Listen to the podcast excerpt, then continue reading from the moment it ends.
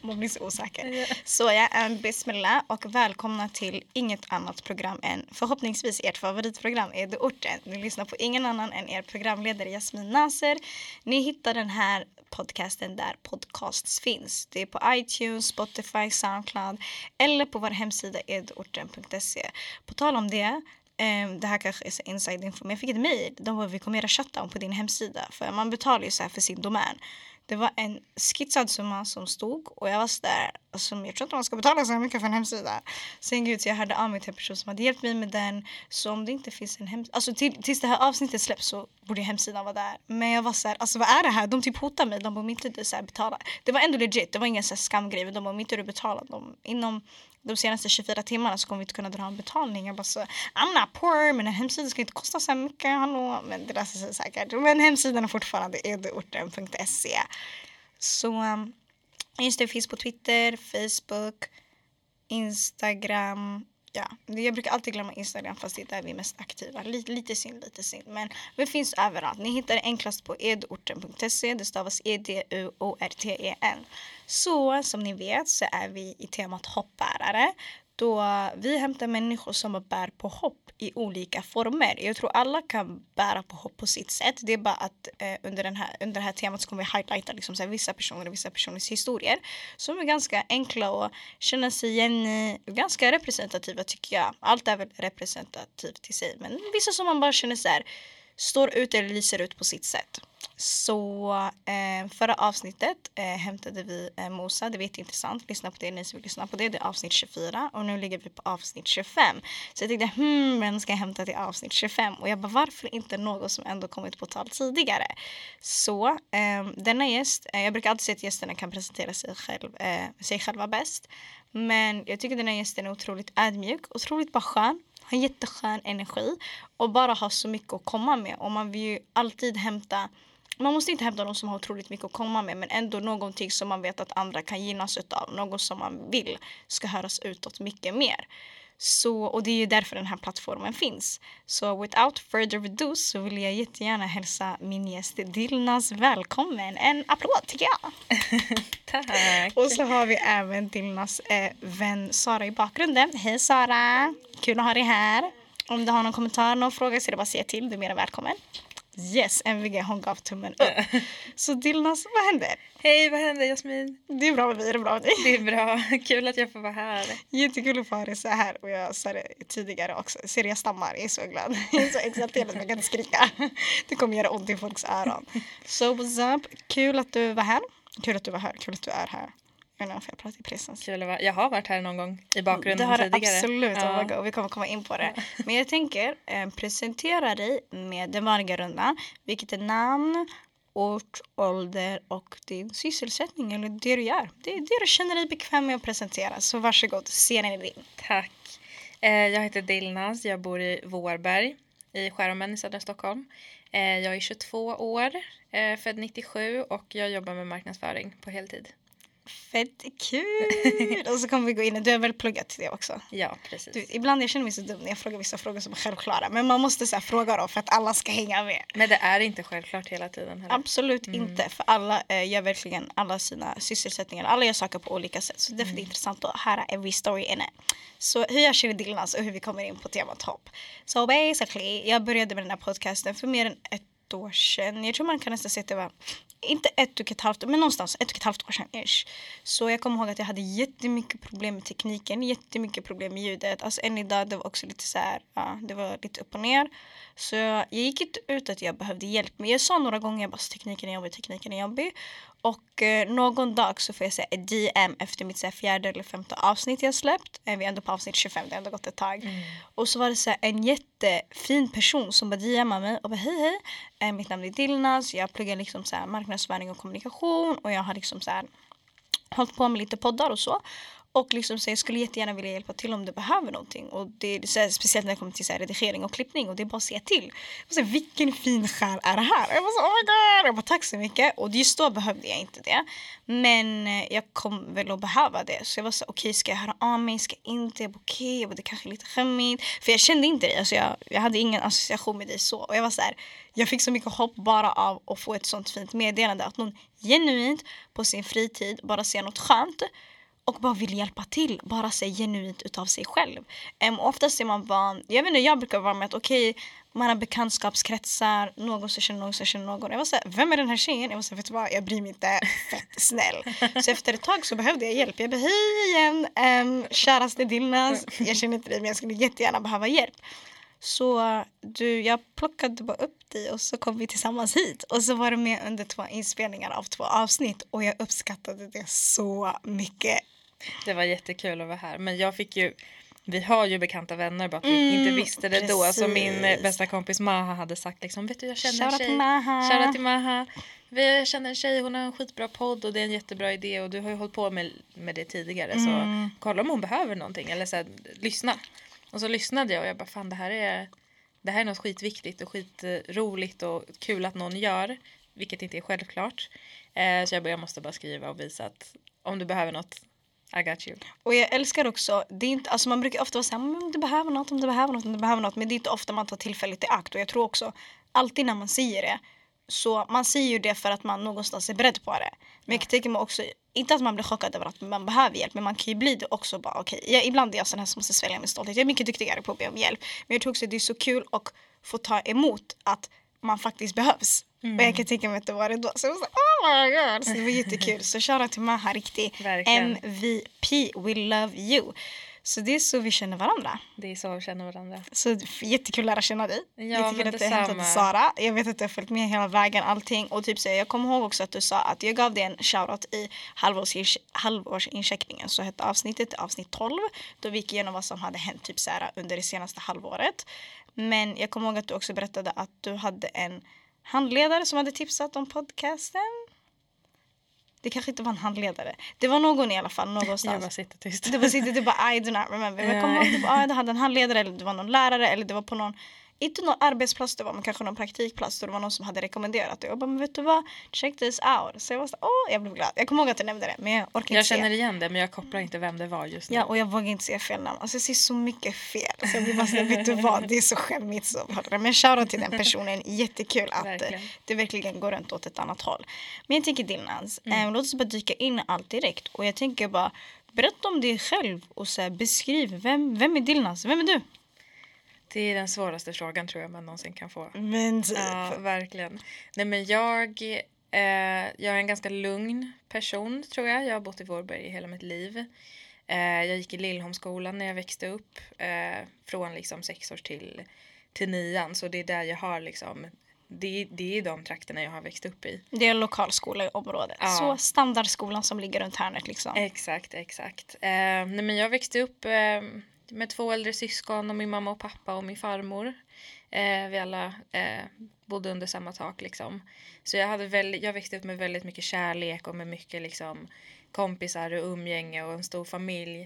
Eh, men jag har alltid varit den liksom, så här, lugna i gänget, mamman i gänget, den som eh, den som typ mer tar hand om allt alla Ja andra. exakt, ibland mot min vilja men det har bara blivit så liksom. Det, det är den jag är. Eh, jag tror att jag alltid har varit lite frågande eh, säker i mig själv men ibland lite frågande kring vad tror jag på, vem är jag och vilket håll ska jag åt? Ska jag göra det andra vill att jag ska göra eller ska jag göra det, det jag vill göra själv? Eh, så jag har varit liksom observant. Jag spelade handboll i många år där jag träffade Sara som är här idag. Ni sa det innan. Hey. vi körde för samma klubb, vi kom på det också. För jag ja. körde för så här, en förening som heter Polisen Basket. De la mm. ner det sen tyvärr. Men ni körde för Polisen Handboll. Och jag kommer ihåg att de var ganska duktiga. Gjorde sin grej? Ja, vi gjorde vår grej. Eh, så det var det jag gjorde. Jag höll mig till skolan och till handbollen och så gjorde jag inte så mycket mer. Eh, när jag började gymnasiet så läste jag ekonomi och juridik eh, i Globen. Och det var intressant men sen efter det var jag verkligen så här, jag vet inte vad jag ska göra av mitt liv nu. Jag, jag testade på allt möjligt. Och nu jobbar jag med marknadsföring. Fett coolt. Ja. Det känns ändå som att du har varit en ganska observerande och analyserande människa i alla fall av din omgivning. Ändå ja. den som är ganska tillbakalutad men ändå jordnära. Den som typ ändå checkar allt lite i närheten och så. Oftast, eh, man brukar säga det om så här, personer ofta som är yngst i familjen men att de är lite bortskämda och de bara liksom så här, gör lite vad de vill. Men det känns ändå som att du alltid ändå har haft raka fokus, raka mål, visioner och varit lite så här. Det är ju vanligt att vara frågande, eh, ifrågasättande och så här, mm. få massa frågetecken i huvudet under ens uppväxt. Men det känns ändå som att du har varit väldigt, hur säger man, inte närvarande utan medveten om ens omgivning. Ja men verkligen och jag tror att en sak som, som har gjort att jag har kunnat testa många olika saker eh, har varit att jag har varit liksom yngst i familjen och jag vet att jag har alltid något att luta mig tillbaka på om något skulle gå fel. Um, så jag tror du har helt rätt. Känner du ibland också så här, kanske med att man är yngst eller att man har så mycket omkring sig. Eh, kanske att man har, man har det stabilt med typ så vänner eller vad det nu än är. Att det också finns vissa förväntningar mot den. Um, ehm, kanske inte specifikt för att man är yngst. Um, men det tror jag absolut. Också, jag är också den enda tjejen i familjen. Och det indirekt sätter ju sina förväntningar också. Speciellt från en liksom så här mellanösternfamilj.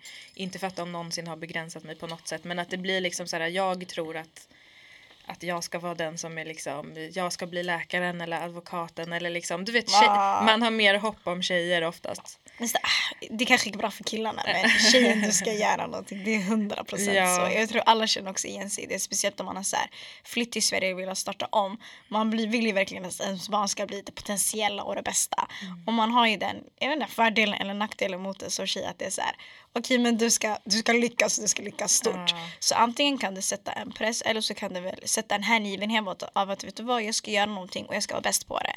Det kanske inte är det mest förväntansfulla men det är ändå någonting. Jag har alltid haft lite så good girl komplex och det har inte alls kommit från min familj på något sätt eller jag mm. vet, det har kommit från mig själv och från hela min omgivning i stort tror jag. Så jag har alltid varit liksom så här, men jag ska vara bra på allting och jag ska vara så fort jag slutade få MVG i allt då började jag tvivla på mig själv jättemycket. Gud, det är ganska vanligt också. Jag tror det finns ett annat, typ duktiga tjejen heter det så? Ja, ah, jag tror det är, um, det är good girl konceptet på svenska. Typ så här, att det förväntas alltid att tjejer ska vara duktiga, tjejer ska alltid vara bäst, tjejer ska alltid prestera. Och om de inte gör det så är det något som inte stämmer. Mm. Ehm, och att det, alltså den bilden sätts aldrig mot killar på samma sätt. Och jag tror det är en del av typ, så samhällets förväntningar på Säkert. en. Att det inte måste komma från någon så specifik plats. Men hur tog du det när du typ inte kände att du presterade genom att inte få MVG? Det stämmer ju inte att man inte presterar. Nej, men, Nej, men jag... Eh, det här var kanske i typ åttan någon gång. Jag hade alltid liksom inte behövt, jag hade aldrig behövt anstränga mig för, liksom, för att det ska gå bra. Eh, och jag hoppade upp en klass när jag gick i lågstadiet och jag var alltid den liksom smarta i klassen. Och sen när jag insåg att nu måste jag anstränga mig, då blev jag lite så här, jag såg det inte som att jag måste anstränga mig mer utan jag såg det som att jag har blivit sämre eller jag är mm. dålig eller liksom så. Um, och just under den perioden, liksom så 8-9 så, har jag, så hade jag jättemycket liksom mentala problem. Du vet när man kommer in i tonåren. Hormoner, Hormoner oj oj oj, de leker sönder med dig. Exakt. Och jag hamnade verkligen i den perioden där jag liksom så här, jag mådde inte bra men jag fattade inte då utan jag trodde att jag mådde dåligt för att jag inte presterar där jag brukar. Men att jag egentligen kanske mådde dåligt för att liksom hormoner och liksom jag, ja. Det är massa andra saker som ska spela och det är gymnasiet. Exakt. Du sa att du hade handbollen vid sidan om. Mm. Och man vill ju väl att allt ska gå bra. Och någon gång så är man väl bättre på det ena än det andra. Exakt. Av olika anledningar. Men det är ingen som säger det till en. Så Nej. kids, ni som lyssnar. Oh my god. Jag kommer rapa. Gud, förlåt. Men ha inte för stor press på er själva. Verkligen. Det kommer att lösa sig. Alltid. Det gör alltid. Så Dilnas är ett bra exempel, Sara är ett jättebra exempel, jag är ett jättebra exempel. Det kommer gå bra, jag går make it. Ja. Men jag tänker okej, okay, du kommer upp till gymnasiet, läser ekonomi, juridik, du känner att det är kul men kanske inte riktigt din grej. Alltså, jag, jag tänkte ändå när jag sökte juridik, jag tyckte att juridik var skitkul på gymnasienivån mm. liksom. Jag tyckte det var skitroligt och jag har lärt mig saker som jag har med mig liksom hela livet nu. Men, eh, och jag sökte också till ett program som heter affärsjuridik. Men jag kände ändå att när, när de här antagningsbeskeden väl kom, jag kände bara så men det här är inte det jag ska göra. Så jag, eh, jag sket i det och eh, jobbade ett år i butik. Eh, sen läste jag tekniskt basår på distans.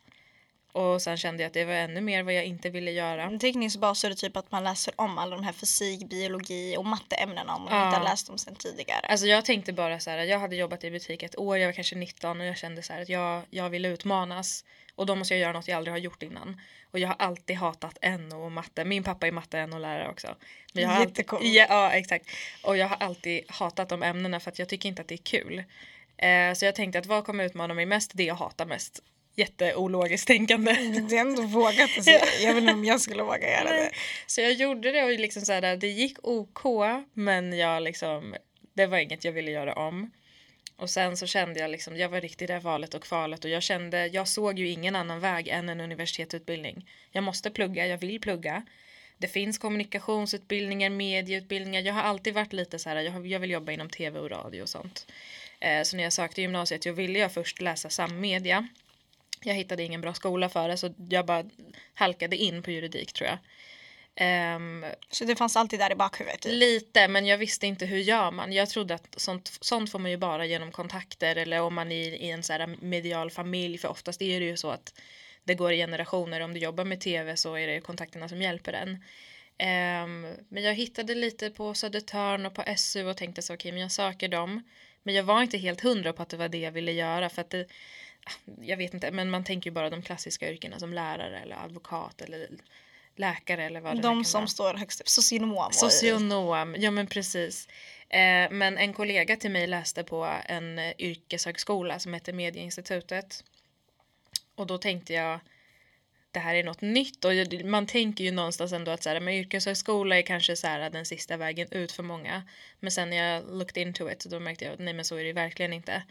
Och då hittade jag en utbildning som, eh, som var marknadsföring och kommunikation. Jag kände att det här är helt rätt för mig, alltså kursinnehållet och allting. Och det var bara ett och ett halvt år. Så jag bara, men jag testar, ett och ett halvt år är inte så mycket och vill jag, trivs jag med det då kan jag ta en universitetsutbildning efter det i samma område. Eh, men jag behövde inget mer än, än så.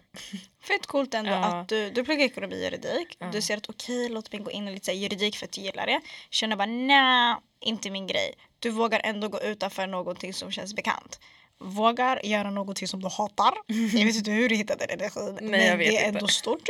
Du kör det i nästan ett år och känner typ såhär okej okay, jag har prövat det här. Jag kan säga att okej okay, jag gick utanför min bekvämlighetsbox. Jag prövade det.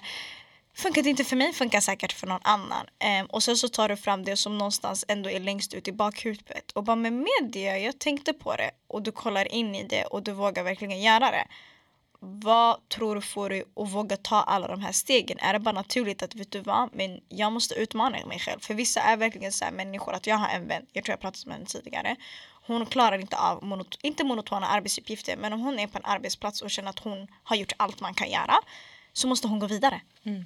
Känner du att du kanske funkar på lite samma sätt eller verkligen drivs bara av utmaningar? Vilket också är bra. Jag tror bara att jag aldrig har hittat något som har varit helt rätt för mig utan att jag kanske innan har haft lite i bakhuvudet med liksom att så här, vad ser bäst ut att jag gör, vad vill andra att jag ska göra, eh, vad låter liksom mest så här prestigefyllt, lite så. Eh, men sen kom jag tillbaka till att det här är, är vad jag tycker är roligt. Eh, och som jag sa innan, jag har alltid kunnat ta risker för att jag har en trygghet hemma. Jag vet att om det inte går bra då kan jag bara, då har jag liksom något att falla tillbaka på. Då och några som hjälper mig och stöttar mig. Eh, så jag tror att det stödet har bara fått mig att vilja våga testa olika saker och nu när jag väl har hittat rätt då, då ser jag verkligen en framtid för mig där och det har jag aldrig känt förut så det blev ju rätt till slut. Ja och fett fin med uppställning, äh, uppstöttning. Mm. Så shoutout till din fam och alla yeah. andra där ute. Så det, det är jättefint, det hjälper jättemycket. Så du börjar äh, plugga på Medieinstitutet i Stockholm kort sagt, du sa att det var en yrkeshögskoleutbildning. Ja. Många vet inte vad är skillnaden mellan en vanlig högskole eller universitetsutbildning, det här man alltid brukar höra, och vad är skillnaden mellan en yrkeshögskoleutbildning som heter det? Alltså en universitetsutbildning är ju akademisk. Den ju, du får ju en kandidatexamen eller liksom någon sån. Eh, väldigt mycket teori och den är oftast mycket längre, minst tre år. Men yrkeshögskola som jag gick är oftast kortare eh, och har en väldigt nära kontakt med arbetslivet. Det är oftast eh, folk som är ute i arbetslivet som jobbar med det du pluggar till som kommer och föreläser och Eh, skolan har anknytningar till företag som man kan gå och göra praktik på. Praktik är också en jättestor del av det. Eh, I mitt fall så var praktik en tredjedel av min utbildning. Jättenice. Så att eh, de, för när man satt i skolan och pluggade i, i två terminer eller vad det var, då kände jag så här, men vad har jag lärt mig? Men när jag väl var ute på olika företag och gjorde min praktik, då fick jag ju sätta mina kunskaper på prov. Och det har varit det har hjälpt mig mycket mer, den erfarenheten, än all min teoretiska kunskap. Jag tror det som är nice också är att man kommer ut i praktik direkt och då märker mm. man okej okay, det här är kul eller mm, okej okay, pass på det här. Mm. Så man lär sig så mycket mer om en själv. Precis, medan en högskoleutbildning är ju oftast, eller en universitetsutbildning, det är ju oftast mycket mer teori, läsa, men inte, man saknar arbetslivserfarenheten där. Så det här är väl en, en kortare utbildning och sen en kombo av båda. Fett nice. Mm. Så vad tänker du? Du kommer där första dagen, du ska börja på medieinstitutet. Det är ändå ganska, alltså det är väldigt stort. Jag har för mig mm. att det är, det är bland de största i landet. Ja. ja det är ganska, inte formellt men det är, det är, om du ska plugga medie och kommunikation är det där du ska vara.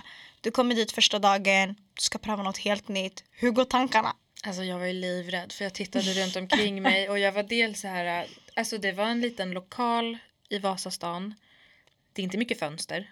Det är inte mycket fönster, jag nej, älskar att alltså, du lägger märke till nej, det. nej men det var det första jag tänkte på, vad är det för miljö jag ska sitta i? Men mm. det var ändå en så ganska skön vibe att liksom folk var där med förväntan och grejer och så tittade jag runt om mig, jag bara men ingen här verkar vara som jag. Alla var äldre, jag var nästan yngst i klassen tror jag. Mm. Alla var äldre än mig. Eh, jag, såg, jag kände inte igen mig själv i någon så jag tänkte att nu blir det gymnasiet all over again. Då gick jag med massa massa, det här låter jättekonstigt men det var jag och så var det många från Tyresö liksom. Och det är inte samma typ av uppväxt, det är inte samma typ av människor. Och nu kände jag att så här, åh nej, kanske det blir lite samma här, ja, ja vi är alla vuxna. Men sen så gick det, första två dagarna var bara liksom så här, lära känna varandra och programmet och redan direkt så hittade jag liksom två som är som är väldigt nära vänner idag. Så Vad jag, ja, jätte jättefint och det är liksom precis efter att jag hade börjat prata med dem så kändes det chill. Eh, så när jag väl hittade mitt lilla klick då, då kunde jag ha full fokus på liksom utbildningen och det var, det var så bra tyckte jag. Verkligen. Fett kul. Vad är marknadsföring och kommunikation för alla oss här ute som typ inte vet vad det är? Nej. Är det bara reklam? Är det att man pratar? Vad är det för något? Alltså marknadsföring är allt det som du ser om ett företag om du tänker så. Det kan vara allt från en tv-reklam som är marknadsföring.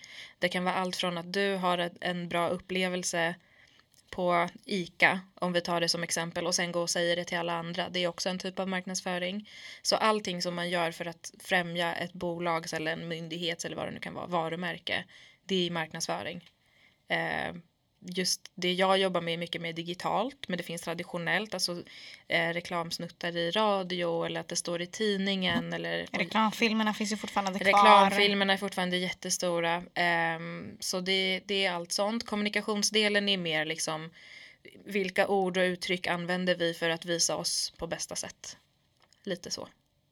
Um, har det varit okänt för dig tidigare? Har du känt igen det sen tidigare? Var det något bara, ah, men ja, ah, alltså det, det, här är ingen yrkesväg som jag tror man tänker på när man växer upp i förorten. Mm. Utan där är det ju mer eh, som jag sa, de här klassiska, klassiska yrkena, yrkena som presenteras för en. Exakt, och man vet, ju, man vet ju inte att det finns och det är inte konstigt att man inte vet om det. Men eh, nej, jag kände väl inte till det utan jag visste väl mer att jag vill jobba med media. Men media kan ju vara allt. Du, du kan jobba som säljare i media eller vad som helst. Så jag kände inte till det förrän jag kanske började gymnasiet där någonstans och läste företagsekonomi. Och då så blandade man ju in marknadsföring lite grann. Lite företag, lite så olika så snuttar ja, av allt. Precis, och då började jag tänka på det mer och sen innan jag sökte till medieinstitutet då fick jag en klarare bild av vilka olika grenar det finns och hur mycket olika saker du kan göra och då var jag ändå 20-21 år. Um, så jag fick väl, jag fick en klar bild om det väldigt sent. Hur fick du reda på allt det här? Var det att du sökte upp det mycket? Frågade du runt mycket? Vad var det exakt typ så du gjorde på den vägen? Alltså jag är den här jobbiga. Jag gjorde mycket egen research och sökte typ eh, vad kan man jobba med om man har pluggat det här? Typ? Google, typ. jag älskar Google. Nej, alltså jag, jag googlade en hel sommar och googlade, googlade och sen så kunde jag, jag kunde hitta någon på Instagram som jag såg jobbade med något jag tyckte var intressant och skicka ett DM. Hej, jag funderar på att plugga det här. Hur ser din yrkesroll ut? Har du några tips typ? Alltså helt främmande människor. Men det var den vägen jag fick ta för jag kände ju ingen annan som jobbade med Fick det. du svar? Ja, faktiskt. Och det är så många som inte vågar och det är så synd ändå. Mm. För att det finns folk där ute som är jättemottagliga för ja, det. Verkligen. Typ jag kommer ihåg, jag känner en person, shoutout till honom, han är jätteskön. Han jobbar inom PR-branschen. Mm. Och det var så han fick upp kontakter. Han bara, för jag hade inga kontakter. Han pluggade på sig jättebra skola och allting. Och när han kom ut i arbetslivet, han var hur ska jag göra? Så under sin praktikperiod så kollade han upp folk på LinkedIn. LinkedIn basically det är som Facebook fast med folk som jobbar. Mm. Så han bara skrev till massa personer och bara hej vill du ta en fika? Och satte sig med randoms och han bara jag lärde mig så mycket. Ja. För man måste våga man måste våga utmana sig själv och man måste våga göra något som är annorlunda och bara liksom hoppas på det bästa och kunna se det bästa i allting. Vissa kommer inte svara men så länge du fokuserar på det du vill göra så funkar det och än idag är det liksom så han har fixat eget och det går bra för honom, såklart han kämpar men han tycker det är så kul. No. Eh, så jag älskar det, jag kämpar fortfarande med att DMa folk men har du inte någonstans på vägen varit typ rädd för att misslyckas kanske för att det är okänt lite lätt eller för att det inte är något självklart? Alltså jag har, mer, jag har varit orolig för att när jag väl börjar på ett jobb kommer det vara som jag har förväntat mig. Är det här vad jag vill göra? Måste jag börja om? Eh, och kanske liksom, jag har inte tänkt på så mycket att tänk om jag misslyckas utan mm. jag, jag, tror att jag med lite tur och med lite liksom egen drivkraft har hamnat precis där jag vill vara. Eh, och jag är väldigt mottaglig för liksom, feedback och kritik och så länge det framförs på ett bra sätt så är jag, jag vill ju bli bättre. Eh, så jag har alltid på alla mina praktikplatser eller med alla mina arbetsgivare varit öppen med att liksom kan jag bli bättre, säg till. För att jag, jag är inte här för att slösa någons tid. Jag vill ju bli bättre som person. Är du är inte där för att slösa din egna tid heller. Nej, och är jag på en praktikplats i tio veckor, man brukar ju oftast ha en bestämd tidsperiod, då, vill, mm. då är jag öppen med att jag vill ju bli så, så bra som jag kan på tio veckor och det kan ju inte bli om jag inte får feedback. Så jag har mer försökt ta den approachen än att gå in och vara rädd för att göra något dåligt, för att man är aldrig fullärd. Och fett kul att du ändå haft den bilden hela tiden. För oftast när man går in i en arbetsplats är man typ mer rädd och typ bara gör som alla säger. Och typ inte att man inte vågar sätta krav, men man kanske inte vågar vara den här. Men eh, inte att sätta, ja, men sätta en viss ton från hela början. Och bara, mm. men vet ni vad, jag är här för det här. Eh, för den här anledningen. Kan ni göra det här, det här, det här. Så that's cool, that's cool. Eh, jag fick sådana tips när jag var typ yngre. Att man skulle typ så snacka som en lärare. Men det är ju så här, det, är, det är coolt. Jag gillar det. Jag gillar det jättemycket. Bra.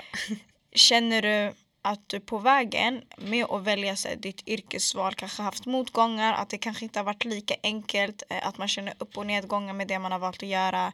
Eh, kommunikations och marknadsföringsbranschen kanske ser väldigt likadan ut. Mm. Eh, finns kanske inte så stor etnisk eh, så många som ser olika ut eller har av olika bakgrund.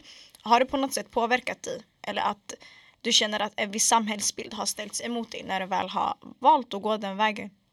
Alltså jag, jo men verkligen. Det är inget jag har tänkt på jätteaktivt. Um, men det är, det är så många gånger man har gått in i ett rum och tänkt att ingen här ser ut som jag, ingen här tänker som jag, ingen här skämtar som jag. Um, jag är väldigt anpassningsbar som Jag har alltid varit mig själv. Men jag är väldigt anpassningsbar som person också. Att jag liksom försöker läsa av först och sen act accordingly. Men det jag har börjat tänka på sen är liksom, tänker de på samma sätt när de går in i ett rum eller är det rummet självklart för dem? Medan jag har alltid känt att jag, jag måste bevisa någonting även om jag inte har känt en press om det på samma sätt så har jag alltid känt att jag måste bevisa mig själv för att jag är kvinna, jag är från förorten, jag är kurd i grunden. Alltså det är liksom det är mycket som indirekt jag har tänkt på. Eh, så absolut, alltså jag kan ju gå in och känna att än idag att jag eh, nu måste jag bidra med det jag kan för att liksom ändra på det här. Sätter det en jobbig press på en ibland? Att man känner att man, att, inte att man måste prestera, men att man vill prestera. Man vill vara eh, den bästa. Eh, jag tror inte heller det är bara att man förhåller sig till den här duktiga tjejen bilden, men typ så här lite att okej, okay, men jag vill visa vad jag går för. Ja, självklart, för du är inte alltid på topp. Alltså alla har svackor. Eh, och då har jag jag har haft lite svårt att se det som just en svacka när, jag inte har, när det inte har gått så bra liksom, eller när jag känner att jag är lite efter eller att jag inte är på, är på samma nivå utan då ifrågasätter jag hela min existens typ. Eh, men jo, absolut att det kommer med en press men att det är har, man har också slagit in många väggar och jag, jag försöker se på det, på det bra man har gjort eh, istället. Jag tänker, vad får det ändå och vilja fortsätta och vilja, vilja så här, alltså temat är ändå typ så här hopp. Mm. Vad får du vilja hoppas på att det kan gå bättre? Um, hoppas på att, uh, hoppas på att, hur ska man förklara det? Hoppas på att det kan bli bättre mer eller mindre och bara försöka tänka väldigt positivt om man hamnar i vissa svackor och känner bara såhär men gud okej okay, ska jag ens vara här? För jag vet exakt hur det känns när man ifrågasätter sin existens mm. vad den handlar om.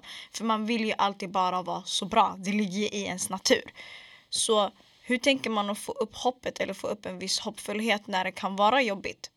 Jag försöker att tänka framåt då och inte bara liksom så här men nästa vecka blir det bättre utan kommer det här vara ett problem om ett år, två år? Vart var jag för ett år sedan? Vart är jag idag? Vem vet vad som kommer hända det kommande året? Jag försöker tänka lite mer så och eh, zooma ut lite och liksom försöka se helheten istället för liksom vart är jag just nu? Jag, det som motiverar mig det är just att att slå in väggar, att motbevisa andra och mig själv och att främst bevisa för mig själv att jag kan det här och jag når nya milstolpar hela tiden och att jag ändå tar mig framåt och när det känns när man hamnar i en tuffare period blicka tillbaka ett år. Vart var du då? Vart är du idag? Och då brukar man också få en, liksom, en inre boost och det brukar ge mig hopp för att om jag känner att om jag idag sitter här och känner att allt är skit, jag ska inte vara här, eh, jag hör inte hemma här eller allting går jättedåligt. Då försöker jag bara tänka, men om ett år. Då. Vart kan jag vara då? Vart kan jag vara då? Vart. Det här kommer inte spela någon roll då. Och då brukar det kicka igång lite. Så. Och vi alla har ju sådana dagar. Då vi Verkligen. oh, och vad är det här för någonting? Ah, liksom. Ja. Men fett skönt och fett kul. Jag tänker att för tio år sedan skulle du kunna se dig själv i samma sits som du är i idag. Idag sa du att du var 22, du ändå var lite ung, eller vi alla här inne är väldigt unga. Men jag tänker när du var 12 år skulle du kunna tänka, ja ah, men när jag blir stor då ska jag göra värsta marknadsförings kommunikationsgrejerna fastän du kanske inte vet vad det är. Nej, jag ville vara artist när jag var i den åldern. Oh, jag, jag ville inte vara artist, jag ville, jag kommer ihåg mina två barndomsdrömmar, okej okay, det har inte så mycket med det att göra. Men jag ville bli eh, Women NBA player och så ville jag bli kock faktiskt. Ja, nej men jag ville antingen bli artist eller vara den som var, jag ville vara typ en manager. Jag ville vara typ Chris Jenner. Alltså jag var, jag ville vara Chris bakom Jenner. Jag, jag älskar det. jag ville vara in the room men inte vara den som syns mest. Alltså jag ville bara, jag ville vara den personen. Jag vet inte hur jag ska förklara det. Jag kopplar. Uh. Chris Jenner, det är Kardashian-morsan. Hon är supermanager alltså. Supermanager. Super. Nej men jag, jag ville ju vara den. Jag ville ha foten inne i sådana rum. Eh, och tyckte att det hade varit coolt att liksom jobba i, jag har alltid velat jobba i musikbranschen. Men eh, ja, nej jag hade absolut det inte. Det blev ju ändå något liknande och ja, vi kanske. kommer komma in i det. Um, då ändå, det som ändå, det jag gillar med den här storyn och det jag känner ändå att du bär upp med din hoppfullhet är att du alltid i din väg tror på dig själv. Fokuset är ändå på dig själv. Det du tidigare sa liksom var att du inte kanske fokuserade så jättemycket på hur andra ser dig mer än att okej okay, men vad är Dilnas kapabel till? Vad vill Dilnas göra och hur ser, jag gillar att prata om mig själv eller om andra i tredje personer, men hur, vart kan jag vara någonstans utan att jämföra sig med andra? Och jag känner ändå att Gud, vart vill jag komma in? Um, du har gått från att um, du jobbar ju nu på ett liksom, så större företag och du har ändå gått från um, att praktisera på olika liksom, så ställen och arbetsplatser till att ändå få en vanlig anställning och nu har du liksom ändå en ledande roll inom ett företag som jobbar väldigt mycket med så här, influencing och marknadsföring. hur går man in i något sånt? är det att man går in väldigt rakryggad för du känner ändå ända sedan du var liten du ville ändå hålla på med något sånt, du ville ha en fot inne, du ville ändå ha inte att man inte har en betydande roll, vilken roll man än har i, vart man än jobbar, vart man än pluggar eller vad man än gör i livet. Men jag tappar tråden. Jag tror det jag vill komma fram till är ett som du svarade, men du svarade på det tidigare om du eh, eh, jag tar bort mig. Chilla. Du pratade tidigare om du, eh, eh, om du skulle kunna se det som det är idag men hur känns det att ändå ha kunnat gått från någonting till att bli något större, mer eller mindre och alltid ha mer i hoppfullhet och kunna tro på dig själv i det? Alltså, jag vet inte, jag är jättedålig på att liksom jag är dålig på att stanna upp kanske och tänka på det. Men eh, du pratade om att vara rakryggad. Jag har, även om jag inte har känt mig självsäker i ett nytt sammanhang eller liksom jag har ändå försökt att gå in med liksom huvudet högt och och försöka fake it till you make it lite. Um, och sen så till slut så klarar man av det bara och försöka att, att inte se på nya utmaningar som någonting jobbigt utan någonting som man kan växa från och lära sig av och bara bli bättre av. Vad är det värsta som kan hända liksom? Eh, och jag har försökt tänka lite mer så. Um, sen så har det gått väldigt bra det senaste året och det är jag väldigt tacksam för men det är ingenting som jag har tagit för givet utan att jag har där jag är idag det kommer av väldigt mycket hårt arbete. 100%. Jag, eh, jag kan sitta långa dagar och kvällar och helger bara för att jag vill. Jag gör det inte för någon annan än mig själv. Jag vill ju vara någonstans och jag vill ju framåt hela tiden. Eh, om jag inte ska jobba hårt nu, när ska jag göra det? Så jag har bara försökt se det på, på se det på som att liksom jobba hårt så, så får du vad du förtjänar liksom. Mm, nice att höra och jag tänker typ också, eh, jag ville nämna det, kanske borde nämnt det tidigare, men eh, jag vet att du tidigare berättade typ en historia om att eh, det är ju väldigt banbrytande och normbrytande och det var därför jag hämtade dig hit, att ta sig in på nya platser. Eh, marknadsföring och kommunikationsbranschen kanske inte är den enklaste men den är ändå väldigt intressant mm. och jag tror också att representativitet behövs överallt. Men kommer ihåg att du berättade att det händer liksom så här att man nämnde jag här, att man är på möten där man känner att man inte blir respekterad, eh, att man inte får tala till punkt, att man eh, blir väldigt, att man nedvärderar den eller förminskar den. Antingen mm. är det på grund av ens bakgrund, på grund av att man är kvinna eller på grund av ens unga ålder. Hur frånviker man sig det? Eh, för att det händer ju ständigt. Hur, för när man är normbrytande eller när man går in i något väldigt annorlunda, det tas sig emot också väldigt annorlunda. Eh, hur tar man itu med det och fortsätter ändå då det är någonting som man ändå ständigt mäter för man kan ju ändå inte ändra strukturella mönster hur saker ser ut. Du kan ju komma och vara den som är different men man kan inte heller liksom ändra allt på en gång liksom. Så hur ser du på det? Alltså jag, jag tror att eftersom jag alltid har varit runt Vårberg eller Skärholmen eller Bredäng när jag liksom var yngre. Och sen när jag gick gymnasiet så var jag lite närmre stan men det var liksom ändå inte på samma sätt för mm. man var där och plugga. Men nu i arbetslivet så kan jag absolut gå in i ett rum som är majoriteten liksom äldre vita män och kvinnor också. Eh, och det är liksom det är aldrig ett problem att man är en ung kvinna från förorten som som är där förrän du kommer in i de här viktigare rummen. Eller du, du är liksom okej okay så länge du inte är på vår nivå. Eh, och jag har många gånger känt att jag får inte, jag kan sitta på ett möte och jag får inte tala till punkt eller det jag säger viftas bort även fast jag är där för att jag sitter på kompetens och på kunskap och jag, liksom, jag kan det här. Eh, och sen varför det är så, jag vet inte om det är för att jag är mm. kvinna, om jag är rasifierad eller någonting sånt. Eh, det kan uppröra mig jättemycket men i början så kanske jag var den som tog ett steg tillbaka och kanske lät mig själv bli avbruten. Medan nu har jag blivit, ju mer erfarenhet jag har, ju mer kött jag har på benen så har jag varit liksom att nu pratar jag, jag är här för att jag kan någonting och ni får, ni får lyssna så kan vi argumentera sen liksom. Jag är inte lika upprörd över det idag utan nu försöker jag bara stå på mig mer och liksom inte låta dem, inte låta någon köra över mig eh, så som jag kunde gjort innan. Känner du att det tog mycket på dig då men att det idag bara omvandlas till någonting som driver dig mer? Ja, förut så kunde jag gå hem och känna att alltså, när man, om man sitter man någonstans med, med tio andra eller vad det nu kan vara och alla ger dig samma vibbar då tvivlar man på sig själv och jag kände att det, det kunde bromsa mig så mycket för att det, det, tog, det tog upp väldigt mycket av min tankeverksamhet. Medan nu är det mer av en drivkraft att jag liksom, någon behöver inte ens säga emot mig, jag vill ändå liksom man, step in step och markera in. ens plats och, och bara ibland, jag är här. Exakt och ibland så kan det bli lite för, alltså det kan bli överslag så att jag har taggarna utåt ibland. Eh, men jag vill liksom jag, har, jag vill verkligen bara liksom säga jag är inte här för något annat än min kunskap och min kompetens. Och om det stör dig då får väl du vara den som går ut ur rummet istället. Det, det har bara blivit drivkraft för mig. Fett nice. Vad ger dig generellt hopp, speciellt när du kollar in i typ så här marknadsföring, kommunikationsbranschen eller för dig själv och dina mål och visioner i framtiden inom det du gör? För du jobbar ändå så ganska stort med specifikt inom så marknadsföring, mm. kommunikation och inriktat till typ så influencing. Mm. Hur säger man influencer? Inf influencer marketing. Influencer marketing. Ja. Finns, det, uh, finns det ett ord för det på svenska?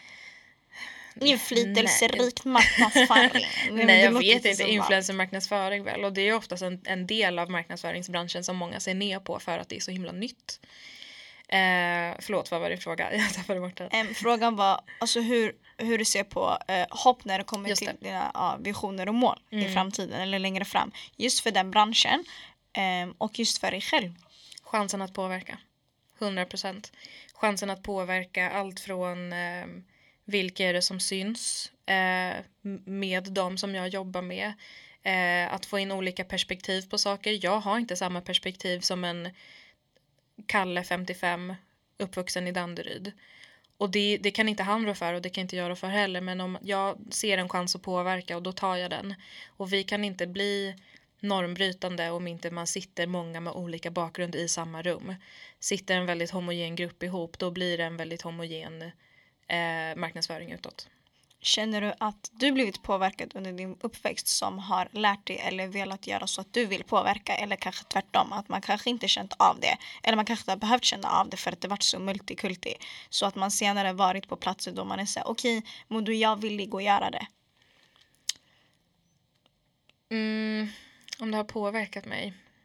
Inte om det på, eller om du känner typ så att någon gav dig en viss påverkan. Att du var sådär, men gud, vet du vad, jag vill vara så här ball. Nej men jag har aldrig liksom, det har aldrig varit en tanke för mig mm. för att jag när jag var yngre umgicks med många som var väldigt, det var väldigt multikult. Alltså i min klass det var allt från svenskar till araber till bosnier till alltså alla typer av människor. Och då var det mer som att här är vi allihopa och vi bidrar tillsammans till någonting. Men när man är det kan ju vara samma sak som att vi sitter tio med invandrarbakgrund och så sitter det en med svensk bakgrund. Det kan ju bli samma sak fast åt andra hållet. 100%. Um, men jag, eh, jag har känt av det mer sen liksom jag började gymnasiet och då har jag bara liksom som jag sa, ibland har jag taggarna utåt bara för att jag vill påverka och visa att vi är också här. Vad, vad är dina framtida mål och visioner när det kommer till så här, ditt eh, arbete, eller ditt arbete, din sysselsättning inom den branschen? Vad är det typ så för mål och visioner du vill må? Typ okej okay, det här är mitt mål. Så innan att du är manager mm. eller du mm. vill vara, typ, du vill vara som Chris Jenner. Ja. Och nu har du ändå en ledande roll um, på arbetsplatsen du jobbar på. Men jag tänker, är det något annat du vill uppnå?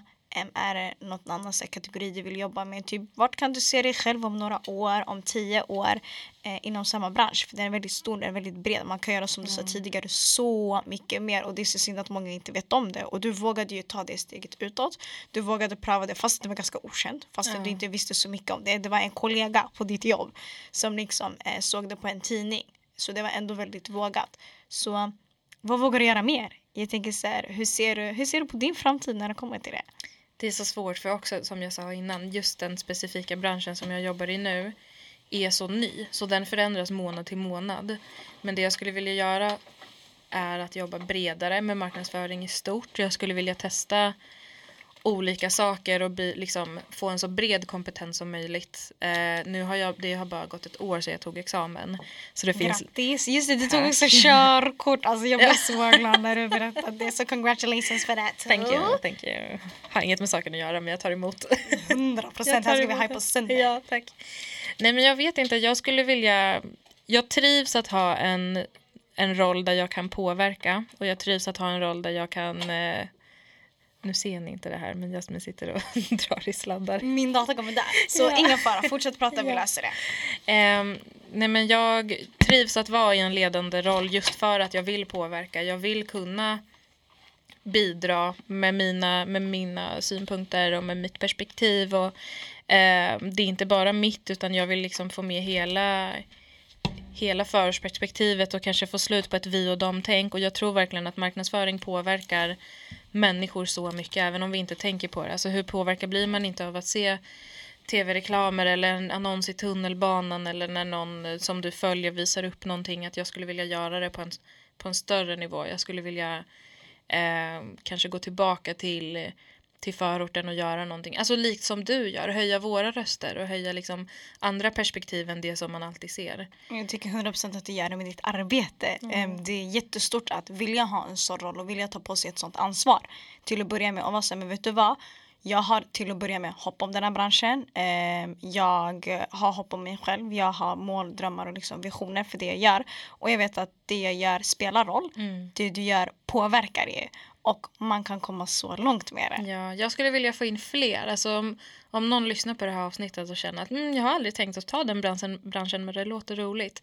Det hade varit så kul om det var fler som visste om att det är, det, är, det är någonting man kan jobba med när man blir äldre, när man går i liksom högstadiet och inte vet vart man ska söka på gymnasiet. Att liksom, det här är också en yrkesroll som har en enorm framtid och som alltid har funnits bara att man inte vet om det. Så bara om fler som jag eller som från förorten kan komma in i den här branschen desto bättre. Alltså, är det så farligt som man tror? Hur menar du med farligt? Att komma in liksom så i något helt nytt? Nej. Alltså som jag sa innan, vad är det värsta som kan hända? Jag vet inte. Nej, nej. Jag, jag, I don't know. Ja, nej, men det, det är liksom, vad är det värsta som kan hända? Man får försöka inte ta allting så seriöst utan liksom trivs man inte med det, funkar det inte, ja men då är det så, då får man testa något nytt bara. Men eh, alltså prata med mig, prata med någon som gör något liknande, kolla liksom, vad gör du varje dag eller what's the day to day business liksom, vad, vad jobbar du med konkret? Eh, och bara få en uppfattning om det och sen passar det så får man jättegärna join me.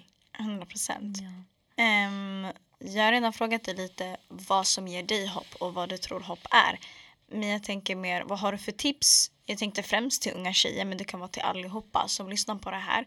Kring när det handlar om att tro på sig själv till att börja med, vilket du alltid gör. Att alltid våga hoppas och våga liksom tro på det bästa när det kommer till sina yrkesval, vilket du alltid har gjort. Ehm, och till sina vägval i livet. Vad har du för generella tips? I koppling till typ det du gör. Ja, jag skulle vilja... Jättesvårt. Jag, det, är, jag det är en jättestor ja, fråga, förlåt. Alltså, alla nej, mina gäster är därför är för jag ställer jättestora frågor. Och det är sådär det är svårt att komma på svar direkt ja. och man kommer oftast på saker i efterhand. Så bara big ups till alla gäster jag haft. Det är inte meningen om att kasta värsta frågorna på dem. Nej, Men ja, säg till om Det är väldigt lite... bra frågor. Tack så mycket. Jag önskar att någon hade sagt till mig att eh, du, du kan göra vad du vill men du måste lägga in arbetet för det. Och det är kanske mitt största tips att liksom inget kommer gratis oavsett vad du vill göra. Vill du bli, nu försökte jag att inte ta ett klassiskt yrke som exempel men jag, ingenjör var det mm, första jag kom att tänka på. Men vill du bli det, du måste lägga in arbetet för det.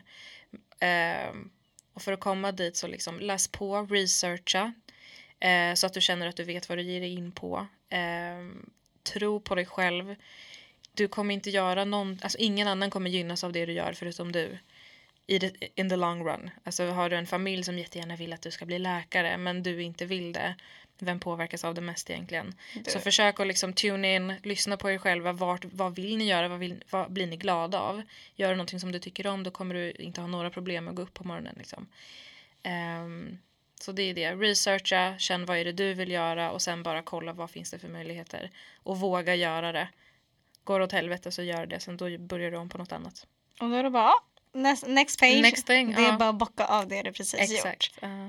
Eh, det låter jättefint, jättefint. Oh det, ja, det känns som att jag har varit väldigt rörig. Men jag känner, jag känner absolut inte att du har varit mm. rörig utan att du har varit väldigt klar och tydlig. Och jag tror också det är så representativt i att alla är inte likadana. Alla tar väldigt olika vägval och alla är väldigt olika och man växer alltid fram till att bli den människa man är och man förändras över tid. Mm. Och jag tror det är så viktigt att våga ha hopp, hopp om sig själv, hopp om framtida generationer. För jag tror också typ så här, känner du att du har hopp om att um, allmänt eh, rasifierade eller eh, folk från förortsområden med andra bakgrunder kommer kunna komma in i sådana branscher. Har en sån, alltså, ser du att okej okay, men det kan hända? Jag ser det mer och mer. Jag ser det mer i, eh, inte bara i marknadsföringen utan också i typ modeller eller vilka det är som syns och i skådespelaryrket och mer kreativa yrken tycker jag kommer mer och mer.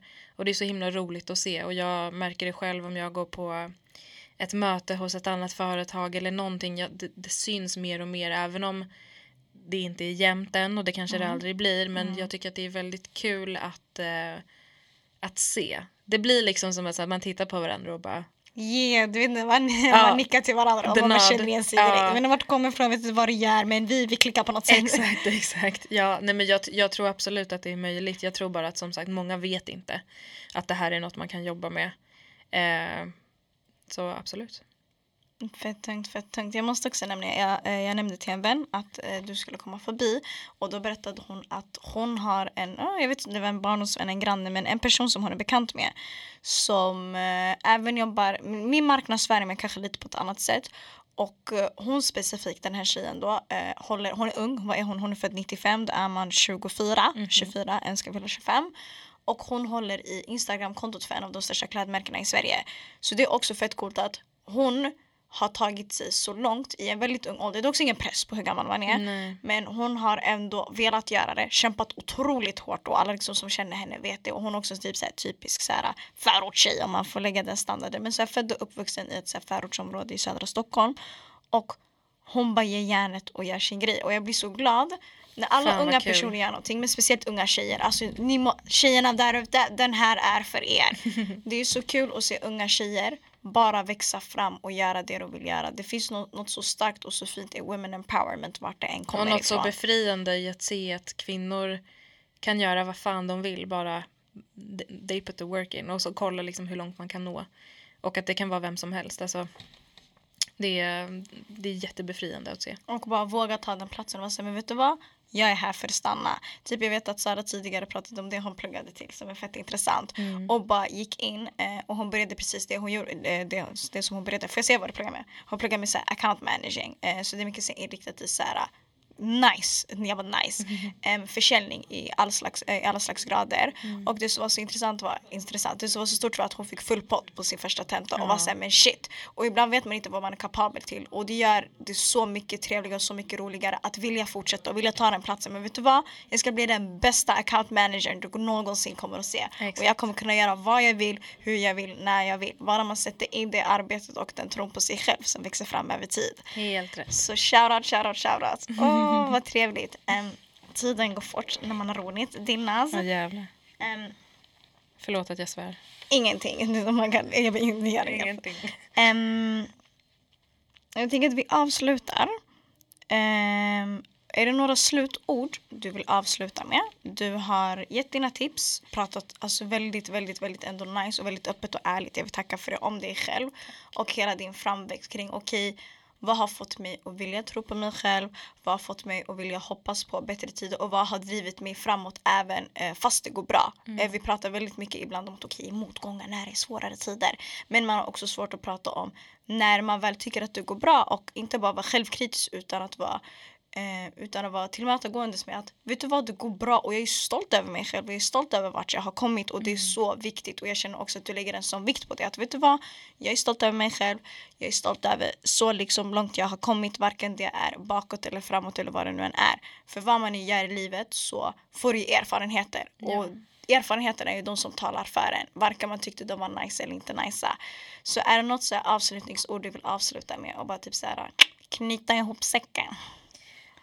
Oj, hur ska man summera? Nej, men jag tror att eh, egentligen inget mer än vad vi har egentligen har pratat om. Att liksom ha den här, lita på er magkänsla och ha, gör det du vill göra eh, och jobba hårt för det så kommer allt annat att liksom att gå vägen och våga fira dig själv. Alltså det, våga stanna upp, känna att fan det här gjorde jag jävligt bra, ge dig själv en klapp på axeln, belöna dig själv, alltså gå och säg det till folk som du älskar och de blir ju bara jätteglada för din skull och liksom försök att alltid se framåt och bara jobba på. Du kommer hamna där du ska vara till slut.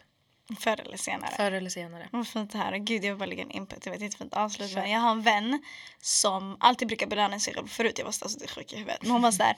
Efter varje gång hon har gjort något svårt. Är att det har varit något jobbigt där hon jobbar. Hemma, en tenta, whatever. Hon brukar alltid såhär, bara belöna sig själv. Och bara, vet du vad Jasmin? Jag ska gå och köpa en dyr väska. Och jag säger varför? Hon bara, men jag vill bara belöna mig själv. Ja. Typ såhär, varför ska jag alltid nöja mig med det mindre? Varför ska jag alltid ha vatten till min måltid när jag bara kan ta en fett nice dricka? Mm. Varför?